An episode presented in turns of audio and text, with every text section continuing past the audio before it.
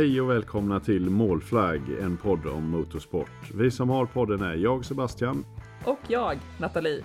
Vi har ett stort intresse för motorsport och tycker att sporten är så mycket större än det som syns och hörs i media idag. Vi kommer att intervjua allt från kända till okända profiler inom motorsporten. Häng med, nu kör vi!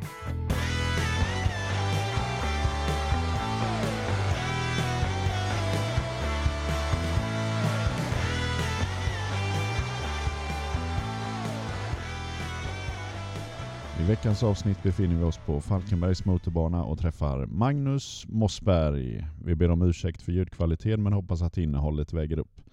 Vi hoppar direkt in i intervjun där vi frågar honom vilken sport han sysslar med.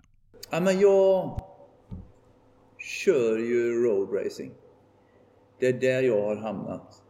Jag har gjort det mesta innan jag liksom fattar att det är det här som är meningen med livet. Jag har gått kanske en ovanlig väg till racingen. Jag, jag, jag, när jag var ung då så, jag är ju 60.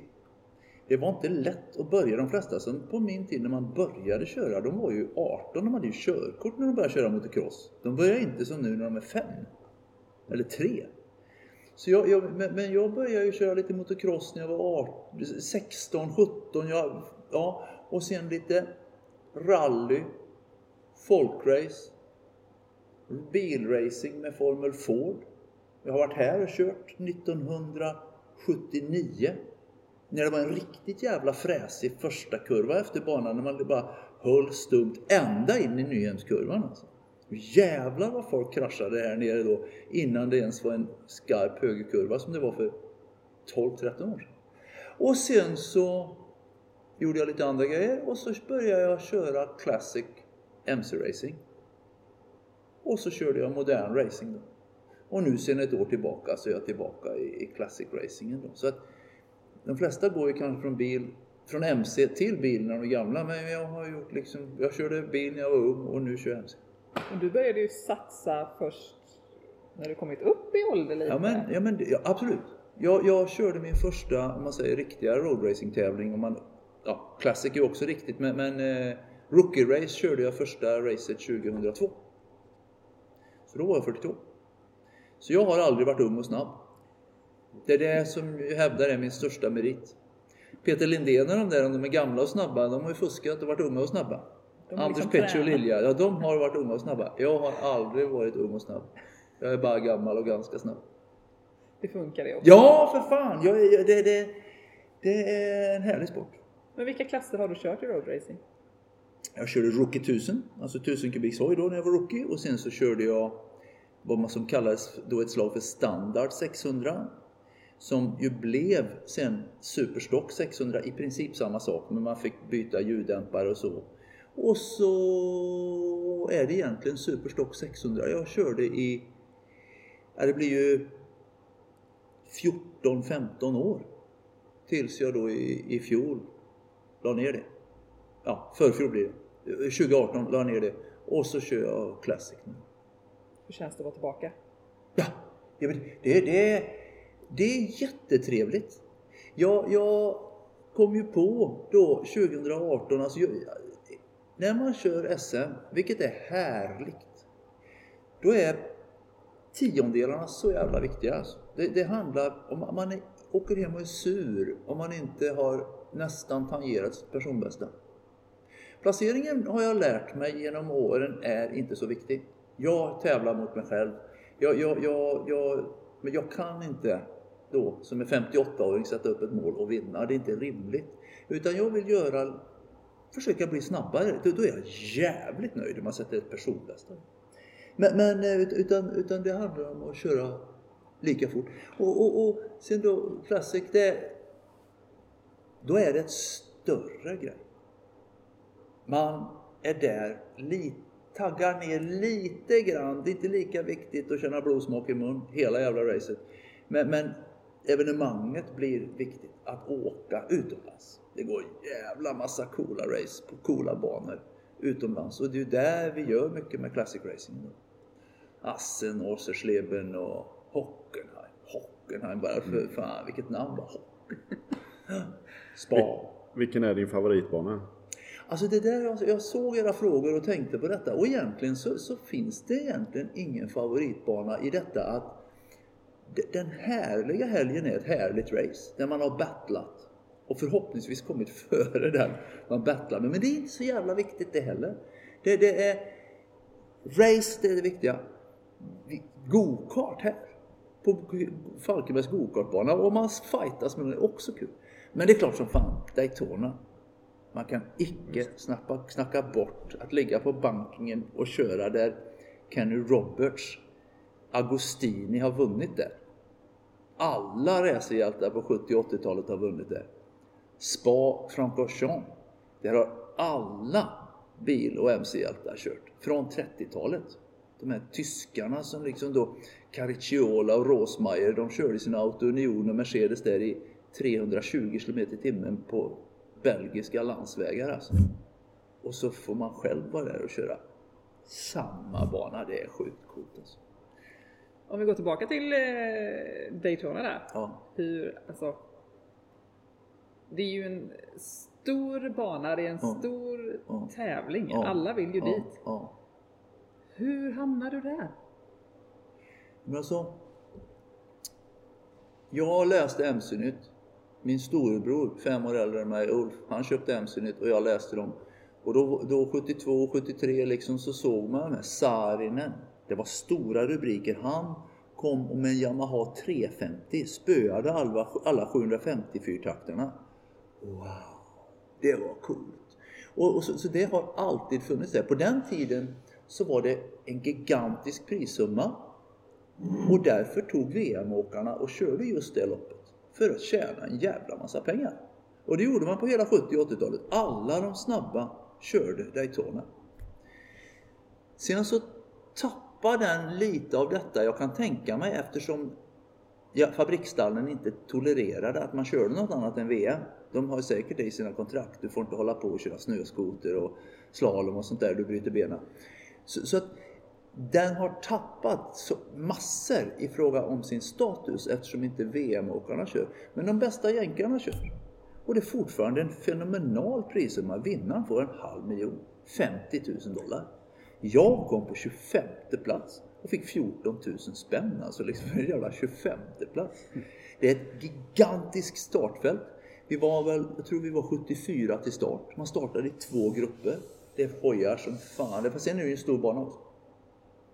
Och så, och så just det där äh, med Daytona liksom. Där har Ronny Pettersson legat på samma banking också och kört sportvagn. Alla racerhjältar har kört där. Och det är ju en... Den har ju funnits i 70-80 år. Fortfarande är kvar. Det är fränt. Det är askul att ha gjort det. Det är tre svenskar som har kört. Hur fan vet de inte jag är den enda som har kommit i mål också. Så att det är ganska roligt. Ja men det är ganska roligt. Och det gick jättebra. Jag fick massor med beröm. Du blev en del av hela Ja, historien. men, ja, ja men det, det, det, jag är det, det är ju det jag är nöjdast med. Det det Mamma, ja, men det, det är jätte, jätte, jättekul att ja, men det, det, den kostar ju lika mycket som en hel säsong här gör, att göra detta. Det, det är, man, hojarna, man dödar en motor på det racet. Man ligger i princip på full gas i två timmar. Och, och alltså allting, det, det, är- det är helrenovering av motorn liksom. Så att det kostar massor att köra det. Men, men skiten höll. Och jag orkar. Det var jävligt coolt. Och hur funkar det med kroppen? Alltså hur orkar man köra i två timmar om man är van vid att köra en Ja, men halvtimme? det, det är ju ut- det går inte att, det, det, det är ju inte, jag hade ju inte pallat. Jag har kört en och en halv timme på Ring Knutstorp. Och det dödar ju en mer. Här är det lite så att kroppen orkar. Du sitter där och så ligger du med gas full mutter och kör i 270-280 en lång stund. Och så kör du igenom en chikan och så ligger du 270-280 en stund. Och så kör du en infill, lite krökar runt och så. Och så, så. så det är ganska vilsamt för att köra per varv om man säger så. Men, men, men det, är, det är jävligt jobbigt att köra rakt fram när det lutar 38 grader alltså. Alltså man, man, får- man, man får fan skärpa sig. Det, det, det var för att du kan inte slappna av alltså. För just, jag, jag tyckte det var lite krångligt. Alla rekommenderar att du ska ligga en halv meter från muren. I helvete, jag ligger en halv meter från muren för det, då kommer man så lite nära ibland. Men det var... Huvudet blir tröttare än, än låren och armarna. Eh, du har även varit och kört i Dubai ett par gånger. Ja. Där har jag hört en historia här i depån faktiskt om Swedish Fika. ja. Någon bullincident där. Ja. Den har ju blivit lite grann en institution. Att det började i Dubai. Alltså hela den där Dubai-grejen var ju sjukt kul. Hur jag... Vi har vänner som jobbar där och bor där. Jag skulle åka dit. Och så, och så... Kan inte du ta med den här ECUn till en kompis där? Ja. Och så stod vi då, jag lämnade över den här elektronikprylen till min kompis på balkongen hos mina vänner. Jaha, du kör hoj liksom, bla bla. Men häng med ut imorgon, vi kör en bandag. Kan vi blänga lite? Uh. Och så har de ju den här Dubai Autodrome. Jättefin bana. Den är lika fin egentligen som Abu Dhabi där de kör Formel 1. Men det var inte de som fick Formel 1-loppet. Men det är asfaltavåkningszoner och det är liksom, allt är perfekt. Coolt! Och så lyckades jag snacka in mig att, att det fanns en kille som kunde tänka sig att låna ut en hoj. Så när jag kom tillbaka ett halvår senare så körde jag en bandag. Och då stod han där, fan! Så är det ju. Kör man SM-racing på hygglig nivå så kör man ju fortare än de flesta på en bandag. Så är det ju. Fan, du kan ju köra. Hallå liksom, jag, jag, jag, jag kör SM i Sverige. Men du kanske vill köra den här i våran serie? Uh, uh. Det är klart jag vill köra i eran serie. Så där kom jag ytterligare ett halvår senare och lånade hans hoj och lyckades komma på samma prispall som Usama bin Ladins brorson Abdulaziz bin Laden som är en duktig racerförare. Och det var ju ganska roligt bara det. Men då när jag kom tillbaka nästa gång och träffade de här då liksom, så ville man ju liksom, de var ju liksom mina halvkompisar. Då tjoade jag omkring där i depån och hade med sig en massa, massa pulverkaffe och pågens kanelgifflar. No my friends, we're gonna have some Swedish fika. Och då så, så, så var ju de här gängerna som var där, de tyckte det var görkul med kanelbullar. Så när jag sen körde i Qatar, körde supportrace till MotoGP 2017. Då var några av dem där. Hey, did you bring them Swedish buns? Jajamensan, där hade jag pågens lillgipplar. Så då blev det Swedish fika där. Bahrain träffade jag samma gäng igen. Did you? Yes, of course I did. Så om ni blir bjudna på kanelbullar i Mellanöstern någon gång, då är det fan med min förtjänst. För det är jag som har introducerat dem. De, de, de kräver kanelbullar när jag kommer där. Så pågen, och de jävla sura på pågen, de... Jag vill ju bli sponsrad såklart. Jag visar bilder för dem. Och de, de har inte hört av sig. Visst är det dåligt? Jag Det tycker det, det, här har väl varit en fantastisk historia för dem. Sitter jag och alla araberna där och äter kanelbullar och jag ser glad ut. Nej, det, det högg de inte på. Vänta bara. Ja, Efter detta. du förstår. yes! Hur är det med vädret och så där i Dubai? Det är ju lite sandstormar och lite eh, väldigt växlande väder. Första gången jag var där så kom det ett, ett sånt hällregn. De, de har sin lördag-söndagshelg på fredag-lördag. De jobbar på söndagar men har ledigt fredag-lördag. På torsdag regnar det så att och, och eh, deras resa den har liksom ingen dränering. För det regnar ju aldrig. Och eftersom när det då regnar så blir det, samlas allt vatten på lägsta punkten och där blir en halv meter djupt. Så i depån var det en halv meter vatten. Och det tog en dag så, att vi fick köra hela racet på en dag. Så det, om det regnar blir det jättekonstigt. De, har, de kör ju aldrig med regndäck. De, de har ingen regndäck. Och sanden, alltså jag har bilder på mig, själv när jag ligger och kör. Och det ser ut som det gör när det snödrev på motorvägen. Bak, det blir bara ett snöspår då, fast det är sand då istället. Som ligger nere i asfalten. Och, och, och jag fick reda på först efteråt, tack och lov, för där fick jag ytterligare en pokal i det racet, att det kan bli jättehalt när det är sandigt, men det var ingen som talade om det för mig. Och eftersom sanden var bakom mig liksom, så såg jag det inte. Så det gick bra ändå. Jag har kraschat i Bahrain och, och mulat sönder en, en Ducati för nästan 50 000 spänn. När man kom ut i de här asfaltavåkningszonerna. Watch out, it's very slippery in the dust. Sure! Och jag, jag, jag bara tänkte tanken på att gasa så, så vände hojen ut. Det är fan med blankis i dammet där. Så att, japp. Det får man tänka på. Utanför ideallinjen så är det halkigt. Finns det något väder du inte har kört i? Snöstorm? Fan alltså. Jag, jag, jag aldrig körde aldrig, men jag har ju stått här på våren när man ystert vill ut och köra och det är plus jävla två grader. Med stelfrusna fingrar lägger man på däckvärmarna så står man där på däckvärmarna och, och, och värmer fingrarna och så när klockan är kvart i fyra och man... Då börjar det snöa. Och när klockan är fem i fyra så börjar det lägga sig snö på banan. Ja, vi åker hem igen. Men vi körde aldrig då. Ja, men det, Då är det det du saknar. Snön? ja, men det finns ju en anledning till att jag inte kör motocross och enduro och det är ju att man slipper ju köra åtminstone när det snöar då, för det är ju fan inget kul alltså. Det är ju så kallt också. Hemskt. Ja, verkligen. Det med värme och kyla där, utrustning när man kör eh, roadracing. Vad, vad är grund, grundstället om man säger så? Men, jag, jag tänker som så. Man får aldrig sitta där och vara sur över att man har snålat på säkerhetsutrustning. Jag har en dyr hjälm. Jag köper ingen billig hjälm för den är nog lika bra. Det är den kanske. Men om jag får en skallskada för att jag hade en 2000 kronors hjälm istället för en 7000 kronors hjälm så kommer jag tro resten av livet att jag kunde sluppit det. Jag har inget sånt där airbags skinnställ, men jag har en airbag som jag stoppar in under skinnstället då. Det har ju kommit nu för tiden.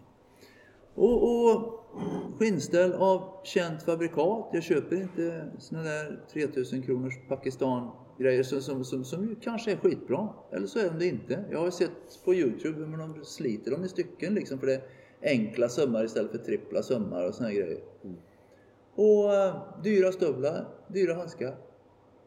Och sen... Så, så det, det... Nej, jag snålar inte på... Nästan som däck också. Det är också nästan skyddsutrustning. Snåla inte på framdäck. Kör man med slitet framdäck och får ett framhjulssläpp, de är svåra att hämta in. Snåla inte på framdäck. Snåla inte på hjälm. Och sånt där alltså. Så tänker jag. När vi ändå är inne på lite tips här. Om det är en, en som jättegärna vill börja köra. Mm. Vad, hur börjar man? Ja, men det är, är, tänker jag, i dagsläget. Lite beroende på vem det är. Men är det en ung kille eller tjej som inte har kört så mycket så ska man köra den här Supersport 300. Kalasklass! Jag har tävlat i det själv. Så jävla roligt! Alltså som sagt, det är inte viktigt att den har, går i vad säger, 260 här, eller kanske man kommer upp i på rakan här. Går det i 160 så har man lika kul kanske nästan lika roligt. För att det finns kurvor man kan ligga två i bredd när det är en långsammare cykel. För det finns, du kör fullt liksom. Och så fort du kör fullt i en kurva så finns det två spår. Så att det är en kalasklass. Eh, om man inte har kört så mycket, då, då ska man börja där. Punkt. Eh, är man en rutinerad trackday-åkare som har kört lite större hojar så, så finns det ju de här Rocky 600. Kanske Kanske bättre än Rocky 1000.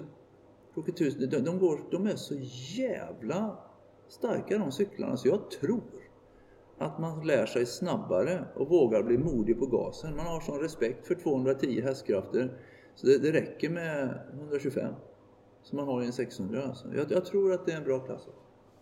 Nu så kommer de med, med lite nya klasser med, med enhetshojar och sådär också så att det kanske blir bra. Men Superstock 300 Grymt bra klass för alla. Och även någonting du har varit inblandad i där i, i det är ju det här Start to Ride Junior Ja, ja. har du varit med också va? Jajamän. Eh, Det vet jag, jag har varit här och sett lite ja. folk som har provkört och så. Det är väldigt kul att se dem efteråt när de Ja. får prova. Det är ju liksom, alltså, alla känner någon som kör cross. Och, och det finns crossbanor överallt. Så det, det, det, är, liksom enklare väg in i crossen. Det, det är, eh, men det här som Svemo har gjort, det är det bästa de har gjort. På, att de har köpt in ett gäng hojar som, om Corona tillåter, så kör vi det här i vår. Och folk då får bara anmäla sig. Det kostar en tramspeng, 200 spänn eller någonting bara. Någon sorts anmälningsavgift. Och så ligger vi här på gokartbanan och kör en timme alltså. Det, det är sjukt kul. Jag hoppas verkligen att vi kan göra det. Det, det brann ju inne i år. Just för det här med smittrisk och så. Men det är ju ett fantastiskt fin introduktion. Så det är ju något jag, jag rekommenderar alla mina elever i skolan att det måste ni åka på. Hur funkar det att vara lärare då och ha detta stora intresse? Alltså det, är lite, lite roligt.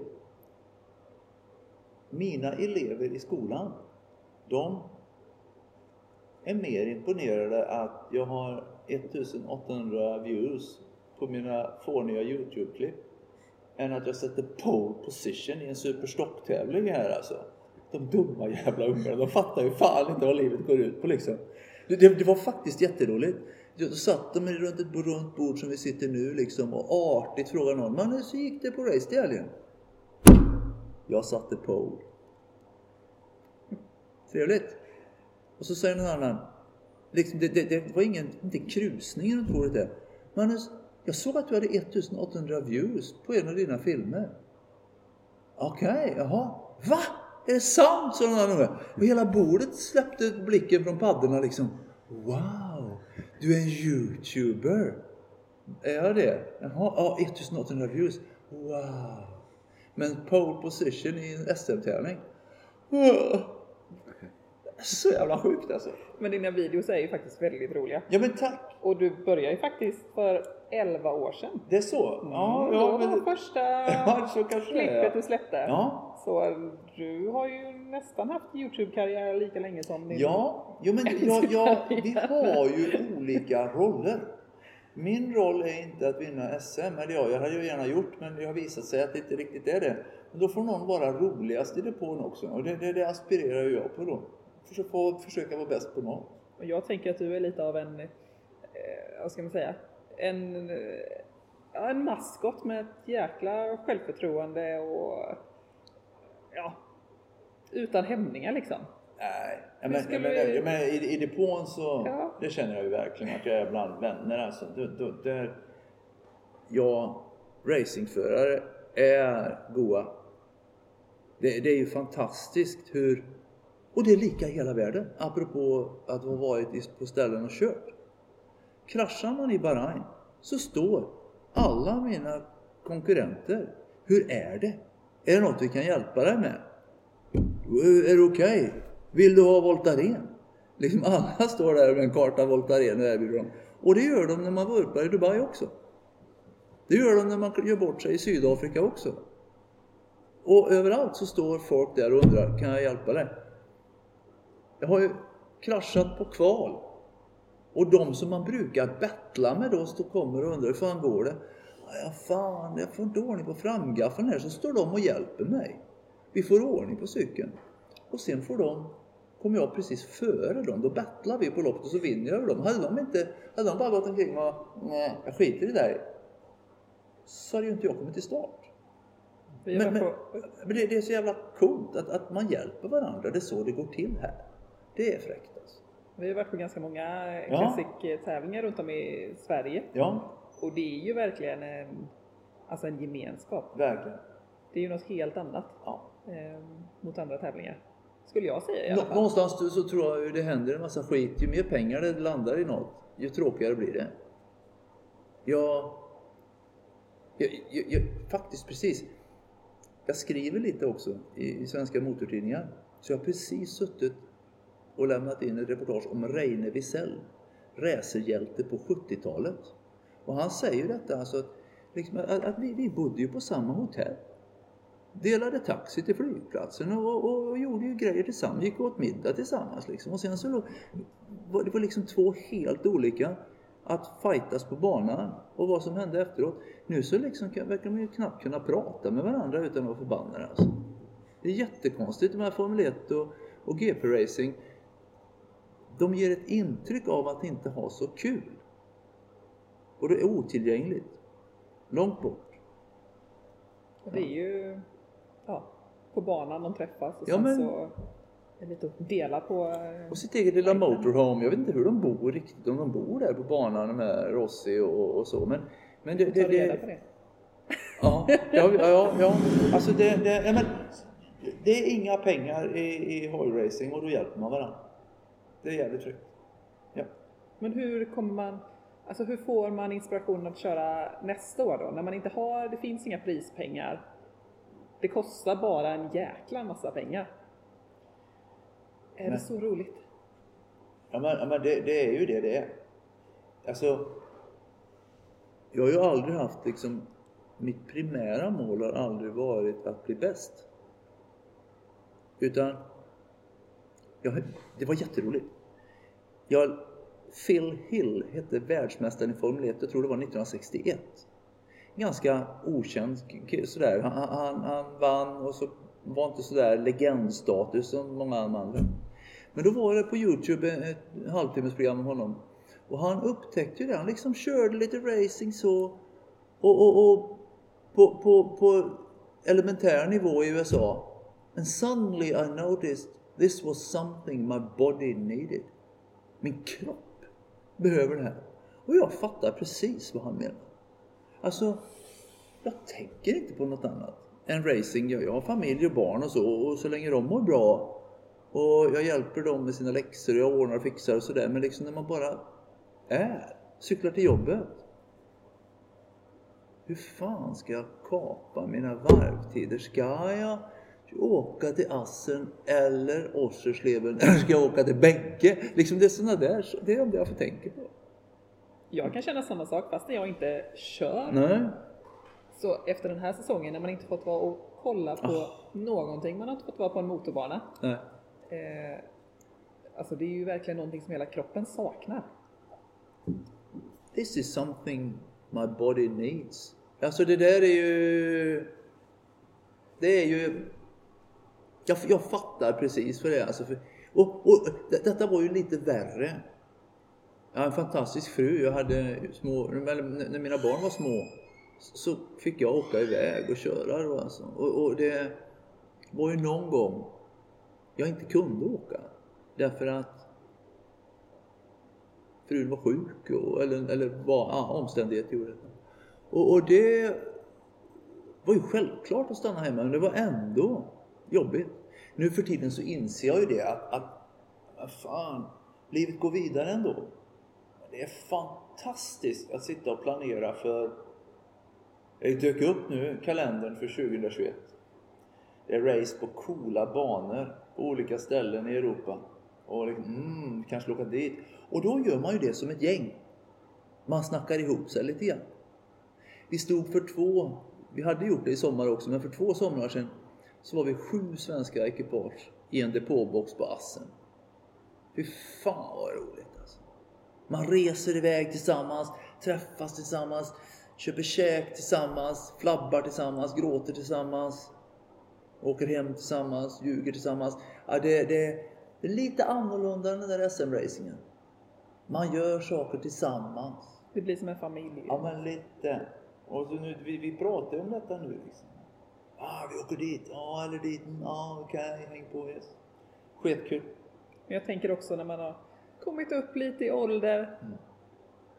Man kanske behöver det lite extra mycket.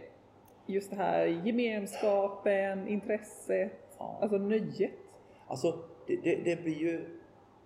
Det kommer du att veta när du blir så här gammal. Alltså, det, att vara 50 är piece of cake jämfört med att vara 60. Och här avslutar vi veckans podd. Men vi fortsätter intervjun med Mossberg nästa vecka.